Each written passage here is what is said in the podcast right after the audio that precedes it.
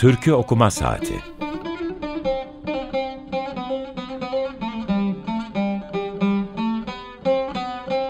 Türkülere yaklaşma denemesi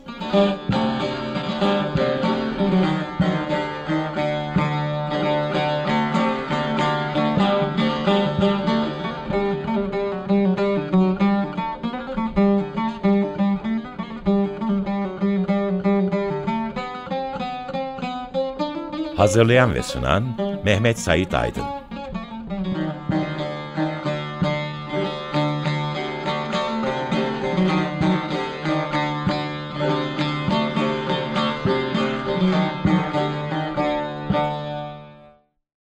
Merhaba, siz bunu 30 Eylül 2023 Cumartesi günü dinleyeceksiniz. Ben Deniz Mehmet Sait Aydın, Teknik Masada Feryal Kabil var. Açık Radyo'dasınız. E, Türkiye Okuma Saati'nin e, yeni bölümüne hoş geldiniz. E, bu bölüm e, geçen bölüm olduğu gibi bir e, ustalara saygı kuşağının devamı. E, zaten Türkiye Okuma e, türkülere yaklaşma denemesi, türküyü okuma denemesiyle ilgili söylediğim şeyin içinde başından bu yana e, bir e, Neşet Ertaş gölgesi vardı haliyle. E, yani gelmiş geçmiş yaşayan en müstesna ozanlardan, icracılardan, e, kaynak kişilerden, bestecilerden biri olan Neşet Ertaş'ın ölüm yıl dönümü haftasındayız. E, dolayısıyla e, bu yayın döneminde e, Neşet Ertaş'a e, atfetmeden, onun üzerine konuşmadan, onu dinlemeden bir türkü okuma saatini bitirmek, programı e, kapatmak istemedim. E, tam da 25 Eylül 2012'de e, vefat etti Neşet Ertaş İzmir'de. Bir e, İzmir'de bir hastanede ve bir ya da iki gün sonra yanılmıyorsam Kırşehir'de e, babasının yanına e, defnedildi. Aynı mezarlıkta e, çok yakınında Çekiç Ali'de e, oralarda aynı mezarlıkta yatıyorlar. Babası ile beraber Neşet Ertaş. yani Abdal müziğinin en önemli e, birkaç figürü Kırşehir'de e, yan yana yatmaktalar. E, Neşet Ertaş hakkında yeni bir şey söylemek, enteresan bir şey söylemek haliyle çok mümkün değil. Buna ihtiyaç da yok. Ama e, şunu söylemek gerekir. Yani e, Türkiye Cumhuriyeti tarihinin belki en dezavantajlı coğrafyasında ve belki e, en dezavantajlı grubunun içinden bu insanların çıkmış olması yani Hacı Taşan'ın, Çekiç Ali'nin, Muharrem Ertaş'ın, Neşet Ertaş'ın ve arkalarından gelen e, bir dolu insanın çıkmış olması bunun o, o büyük dezavantajın müzik lehine bir avantaja dönüşmüş olmasını vurgulamak gerekiyor. Çünkü e, nasıl saymak gerekir? İşte Kırşehir, Nevşehir, Niğde, Kırıkkale, Keskin, Yerköy, Kayseri, Yozgat o hatta yaşayan, oralarda düğünlere giden, orada büyüyen bir e, grup insan bunlar. Çok fukaralar, e, abdal olmaları ile ilgili aşağılanıyorlar, e, hakaretlere uğruyorlar. Fukaralıkları giderek yükseliyor ve büyük bir müzik dehası olmaları oldukları asla fark edilmiyor. Dolayısıyla dezavantaj diye kastettiğim aslında hem coğrafyaları hem zamanları hem sınıfsal durumları hem de ırksal durumları. Bütün bunların hepsinin çok yoğun, korkunç dezavantajlı olduğu bir yerden geliyor Neşet Ertaş. Babasının oğlu olarak. Ee, benim de türkü dünyası ile ilgili ilk temaslarım doğrusu Neşet Ertaş'ın e, yanılmıyorsam 1998 yılında değerli dostum Ali Bozan'ın bana verdiği bir 90'lık raks karışık kasette dinlediğim ve çarpıldığım bir e, Neşet Ertaş serüvenim var. Hatta e, köşe yazmaya başladığım ilk günlerde bu tanışmayı uzun uzun tarif etmiştim ve devamında olanları e, o sıralar Kızıltepe'ye memleketim olan Kızıltepe'ye e, şoförler geliyorlardı kamyon şoförleri ofisle köyler arasındaki taşımacılığı yapıyordu. Buğday, arpa vesaire tarım taşımacılığı. Ben de bir tanesinin arabasına binmek durumunda kalmıştım ve Ee, işte çok kısa bir süre sonra memleket muhabbeti yapılmıştı. Ben de tam o sıralar Neşet Ertaş'ı çok yoğun dinliyordum o yaz o yaz sonu. Ee, bahsi geçen şoför beyefendi Kırşehirli e, olduğunu söyleyince çok büyük bir heyecan duyup aa Neşet Ertaş'ın hemşerisisin demiştim ve o da Kızıltepe'de bir genç çocuğun Neşet Ertaş'ı tanımasından ötürü çok heyecan duymuştu. Bizim Neşet, bizim Neşet diye e, bir dolu şey anlatmıştı. Yıllar sonra Yunus Emre'ye bizim Yunus denildiğini öğrenince o adamın bizim Neşet e, derken neyi kastettiğini çok iyi anlamıştım. Bir tür ulusal şair olarak görüldüğünü, bir tür temsilci olduğunu, Muharrem Baba'nın oğlu olan e, ele avuca sığmayan büyük müzisyen Neşet olarak bizim Neşet olarak okunduğunu ve görüldüğünü anlamıştım. E, bu meyanda e, benim de türkü dünyasıyla e, ilk temaslarımdan, hakiki ilk temaslarımdan biri Neşet Ertaş'ta olan o 90'lık kasetle olan temasımdır. E, ben bugün hem Neşet Ertaş'tan hem başkalarından Neşet Ertaş icraları çalacağım biraz. E, çok çok fazla dinlenildiğini, yorumlandığını düşünmediğim bazı kayıtlar çalacağım. İlk ikisi e, hapishane, mapushane bağlamlı olacak. E, Neşet Ertaş'ın repertuarda kaynak kişisi olduğu 63 türkü var. Bir kısmı babasından tevarüs ettikleri ve civardan e, derledikleri, bir kısmı da bizzat neredeyse beste diyeceğimiz kadar müdahalelerini yaptığı çeşitli ezgiler. Repertuar dışı da 19 türküsü var. Derlediği de 11 türkü var adına kayıtlı. Yani aslında tek başına yüz küsür türkünün bizzat ya içinde ya kaynak kişisi ya derleyeni ya icra edeni olarak yer almış. Yani şu, kolaylıkla şu denebilir. E, garip mahlaslı bu adamı türkü dünyasından çekersek yüz küsür e, türkülük çok büyük bir boşluk kalır geriye. Muhtemelen de en çok yeniden yorumlanan türkülerin sahibi de çok uzun yıllar boyunca Neşet Ertaş oldu. Şimdi ilk türküyü çalacağım. Repertuar numarası 99. Kaynak kişisi ve e, Neşet Ertaş ve notayı alanı ise Eyüp Görkem. Hapishanelere attım postumu dinliyoruz. Bu türkünün e, hapishane mapushane me meselesi var. Yani bazıları hapishane olarak söylüyorlar. Aynı heceye sahip olduğu için muhtemelen sesin kuvvetini e, yükseltmek isteyenler mapushane diye söylüyor. Bazen Neşet Ertaş da mapushane diye söylüyor. Bazıları ise e, hapishane diye söylüyor. E, Berley'in beni yanıltmıyorsa e, Bozkır'ın tezenesi e, lakabını, e, müstaharını ya da ne diyelim sıfatını aldığı hikayede hapishaneyle ilgili. E, Bulgaristan sınırında e, bir tür e, mecburiyetle bir saçmalıkla e, cezaevine düşüyor e, Neşet Ertaş. Ve bir şekilde Yaşar Kemal bunu duyuyor. Ee, yanılmıyorsam ya yanına gidiyor ya bir pusula ulaştırıyor ve orada ona Bozkır'ın tezenesi diyor. Dolayısıyla 2000 yılında yıllar sonra Neşet Ertaş Almanya'dan döndükten sonra yaptığı ilk büyük dehşetli konser olan Harbiye Açık Hava Tiyatrosu'ndaki kalan müziğini organize ettiği e, Bozkır'ın Tezenesi e, konseri de aslında Yaşar Kemal'in ona dolaylı olarak verdiği bu ismin devamında. Ee, Neşet Ertaş'ın hapishanelerle, mapushanelerle aslında bir anlamda çok çok fazla ilişkisi olmamış e, e, çok şükür. E, fakat e, biraz gönüllü, biraz mecburi bir Almanya sürgünlüğü, Almanya yılları e, gurbetlik hikayesi var. Bir süre alkolün yan etkilerinden biri olarak e, parmaklarının uyuştuğunu, bağlama çaldığı parmaklarının uyuştuğunu fark ediyor ve o sıra ailesinden kimi insanlar zaten Almanya'da tedavi olmaya gidiyor oraya e, sanatçı vizesiyle.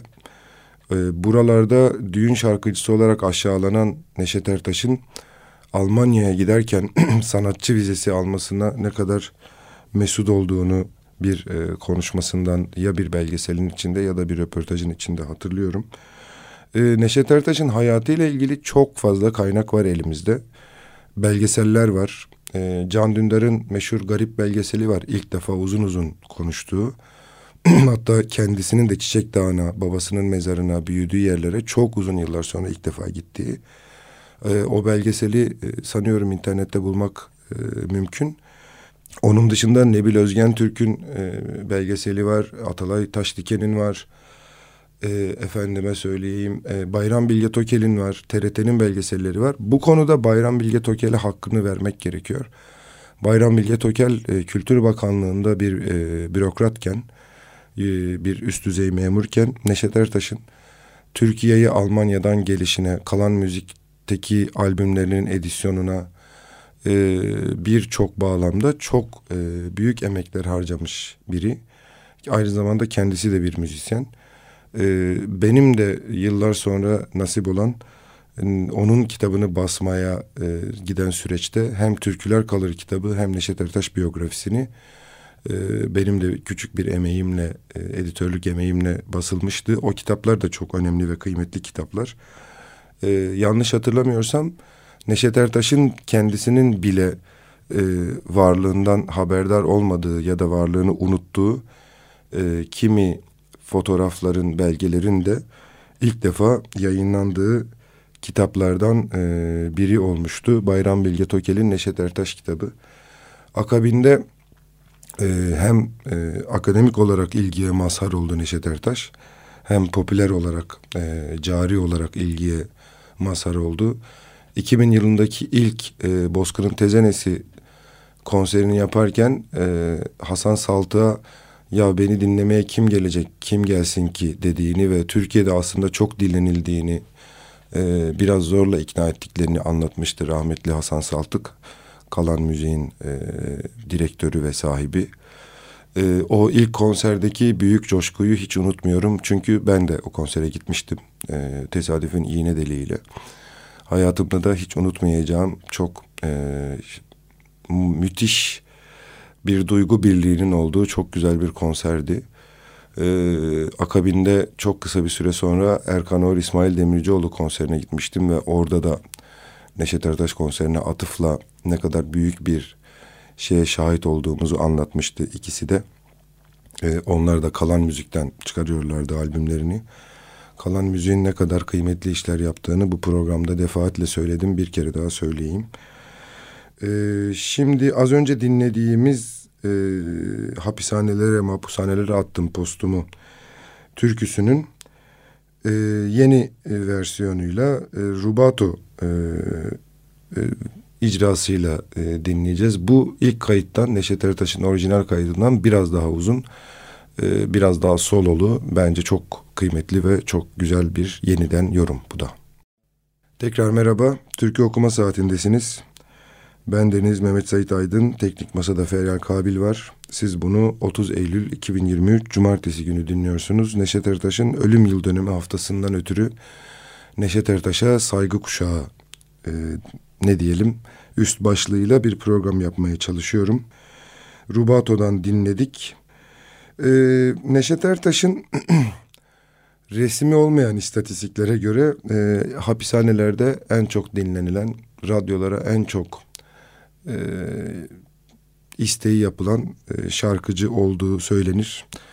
E, bunun bir resmi istatistiği yok ama tahmin ediyorum ki insanlar bilhassa birazdan dinleyeceğimiz e, türküyü çok fazla istiyorlar ve dinliyorlar. Neşet Ertaş'ın bir yaşam şiiri var. Aslında gelenekte kendi hayatını bir şiirin içinde zikretmek vardır e, hem klasik edebiyatta hem halk edebiyatında hem e, halk müziğinde. Neşet Ertaş da e, 1938 Cihan'a Kırtıllar köyünde geldin dediler. Babama Muharrem anama döne dedim sen atayı bildin dediler. Dizinde sızıydı anamın derdi. Tokacı saz yaptı elime verdi. Yeni bitirdiydim üç ile dördü. Baban gibi sazcı oldun dediler.''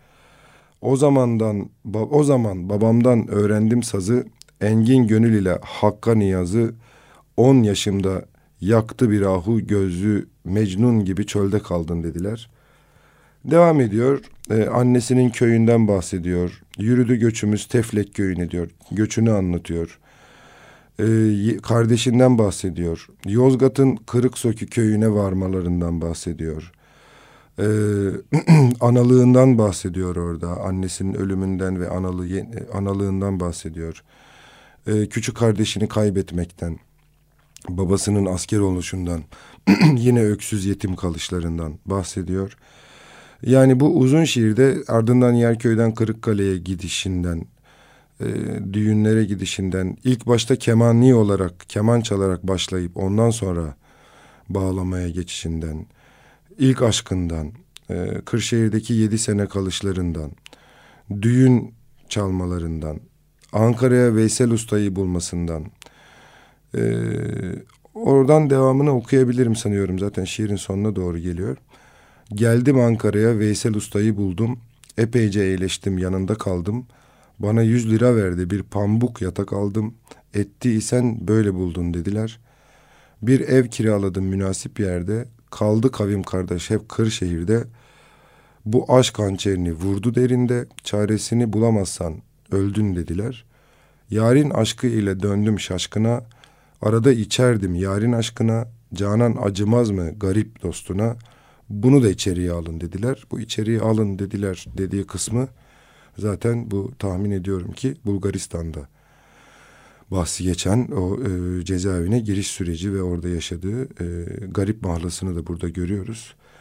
E, Neşet Ertaş'ın hayatını aslında kendi yazdığı şiirden takip edebiliyoruz ve Yolcu isimli meşhur eserinden de bir anadan dünyaya gelen yolcu görünce dünyaya gönül verdin mi diye başlayan o da bir tür kendi hayatındaki ideolojik durumunu e, ailesiyle, geçmişiyle, sınıfsal durumuyla, e, müzik dünyasıyla, e, türküyle, halk müziğiyle, bu dünya ve öteki dünyayla kurduğu ilişkiyi çok güzel bir biçimde anlattığı bir şiir. Bu zaten e, ezgisi de var. E, gene Garip Bülbül müstahariyle yazdığı. Şimdi e, az önce bahsettiğim cezaevlerinde en çok istenen, söylenen e, biraz cezaevinde olanın çok e, hızlı ve yoğun bir e, iletişim kurabildiği bir türkü. Repertuar numarası numarası 641. Kaynak kişisi, derleyeni, icra edeni Neşet Ertaş. Hapishanelere güneş doğmuyoru dinliyoruz. Hapishanelere güneş doğmuyoru dinledik ya da mapushanelere güneş doğmuyor Neşet Ertaş icrasıyla. E, Repertükül'de çok güzel e, bir biyografi var. Neşet Ertaş'ın biyografisi. E, burada e, sanıyorum düzeltmek gereken bir şey var. Şimdi Neşet Ertaş'ın başına gelen aslında e, sosyal medya çağında birçok insanın başına gelen bir hikaye. E, bazı yaşanmamış olmayan gerçekliği çok tartışmalı. Kimi hikayelerin Neşet Ertaş'a ya da babası Neş e, Muharrem Ertaş'a, dayısı e, Çekiç Ali'ye, Hacı Taşan'a e, ya da eski eşi Leyla'ya işte çok üzerine türkü yaktı. E, yedi yıl evli evli kaldı. E, askerlik dönüşünde tanışıp evlendi. Leyla Ertaş'a dönük birçok e, efsane, birçok e, gerçekliği çok tartışmalı şeyler var. Bu e, sosyal medya çağında insanlar niyeyse gerçekliğin kendisini bir künt gerçek olarak kabul etmeyi tercih etmeyip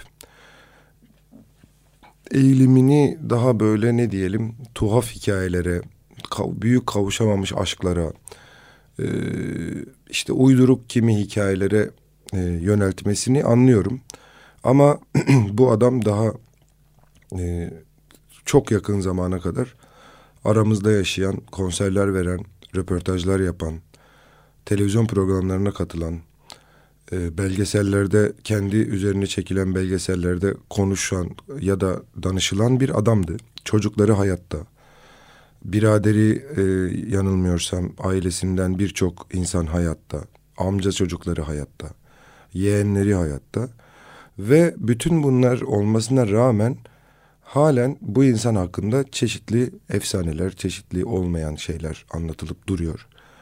Ve bir süre sonra bu anlatılıp duran durulan hikayeler cari olup gerçek hikayenin yerini alıyor. Yakın zamana kadar aileyle çeşitli film yapımcıları arasında da bir ger gerilim oldu. Çünkü e, Aile ile Müslüm'ün yapımcısı beyefendi Neşet Ertaş'ın biyografisini de yapmak istiyordu. Hatta bunu duyurdular. E, kanunda şöyle bir açık var. E, bir biyografi e, yapılacaksa eğer onu bir kitaba dayandırabiliyorsunuz. Yani Neşet Ertaş üzerine yapılan yazılmış bir biyografi kitabını alıp onun telifini alıp e, bunu bir film haline çevirebiliyorsunuz. Fakat Neşet Ertaş örneğinde de Ahmet Kaya örneğinde de gördüğümüz üzere bu insanlar ailelerinin varisi olan bu insanlar e, bir tanesi yani Neşet Ertaş zaten e, bir tür vasiyet gibi kendi üzerine yapılacak bir filme müsaade etmediğini söylemiş. Ahmet Kaya'nın ailesi de onların onaylamayacağı, onların gönlüne sinmeyen bir filmin yapılmaması gerektiğini iddia ediyorlar ve bu iki e, insan hakkında da sürekli haberler çıkıyor. Filmi çekildi, çekiliyor. İşte aileyle itişmeler oldu. Aile istemedi, işte yapımcı bilmem ne yaptı gibi gibi böyle çok haberler siz de görüyorsunuzdur. Çok yakın zamanda Neşet Ertaş hakkında da böyle bir şey oldu ama aile çok net bir biçimde e, babalarının, amcalarının, dayılarının buna müsaade etmediğini, gönlünün olmadığını, icazet vermediğini söylüyor.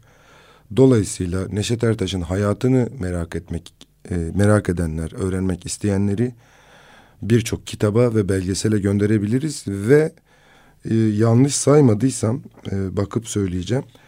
Neşet Ertaş hakkında 16 adet yüksek lisans tezi, iki de doktora tezi var. E, bu doktora tezlerinden biri e, geçen sene yapılan 2022 tarihli Ümit Akçakaya'nın doktora tezi. Ege Üniversitesi'nde halkla ilişkiler ana bilim dalında savunmuş. Kahraman arketipi açısından kendini gerçekleştirme Türk halk ozanı Neşet Ertaş örneği diye e, YÖK'ün e, tez e, sitesinde de ulaşılabiliyor bu teze. Eğer Neşet Ertaş'a dair e, bilgi almak isteyen varsa onları evraka ve daha önce çekilmiş filmlere, e, belgesellere davet edebiliriz. Şimdi e, repertuar numarası 688 olan gene kaynak kişisinin, derleyeninin ve icra edeninin Neşet Ertaş olduğu Nedir bu başımda bu sevda nedir'i dinleyeceğiz Neşet Ertaş icrasıyla. Programı artık e, sonlandırmaya doğru gidiyoruz. E, bir de biraz fazla türkü çaldığım için ve e, doyamadığım için çalmaya.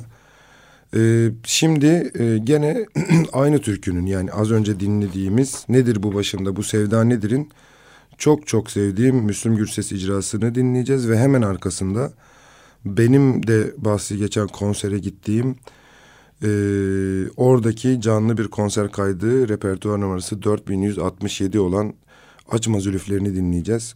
yani üst üste bir Müslüm Gürses, bir Neşet Ertaş icrasıyla programı bitiriyorum. E, yapımda ve yayında emeği geçen herkese teşekkür ediyorum. Feryal'e çok teşekkür ediyorum. E, Türkü okuma saatindeydiniz. Neşet Ertaş'ın ölüm yıl dönümü haftasında ona bir tür saygı duruşuyla de, onu çaldım, onun üzerine konuşmaya çalıştım. Bu programı da her program olduğu gibi Elazığ bir nolu yüksek güvenlikli cezaevinde yatan dostuma ithaf ediyorum. Ee, çok teşekkürler, esenlikler dilerim.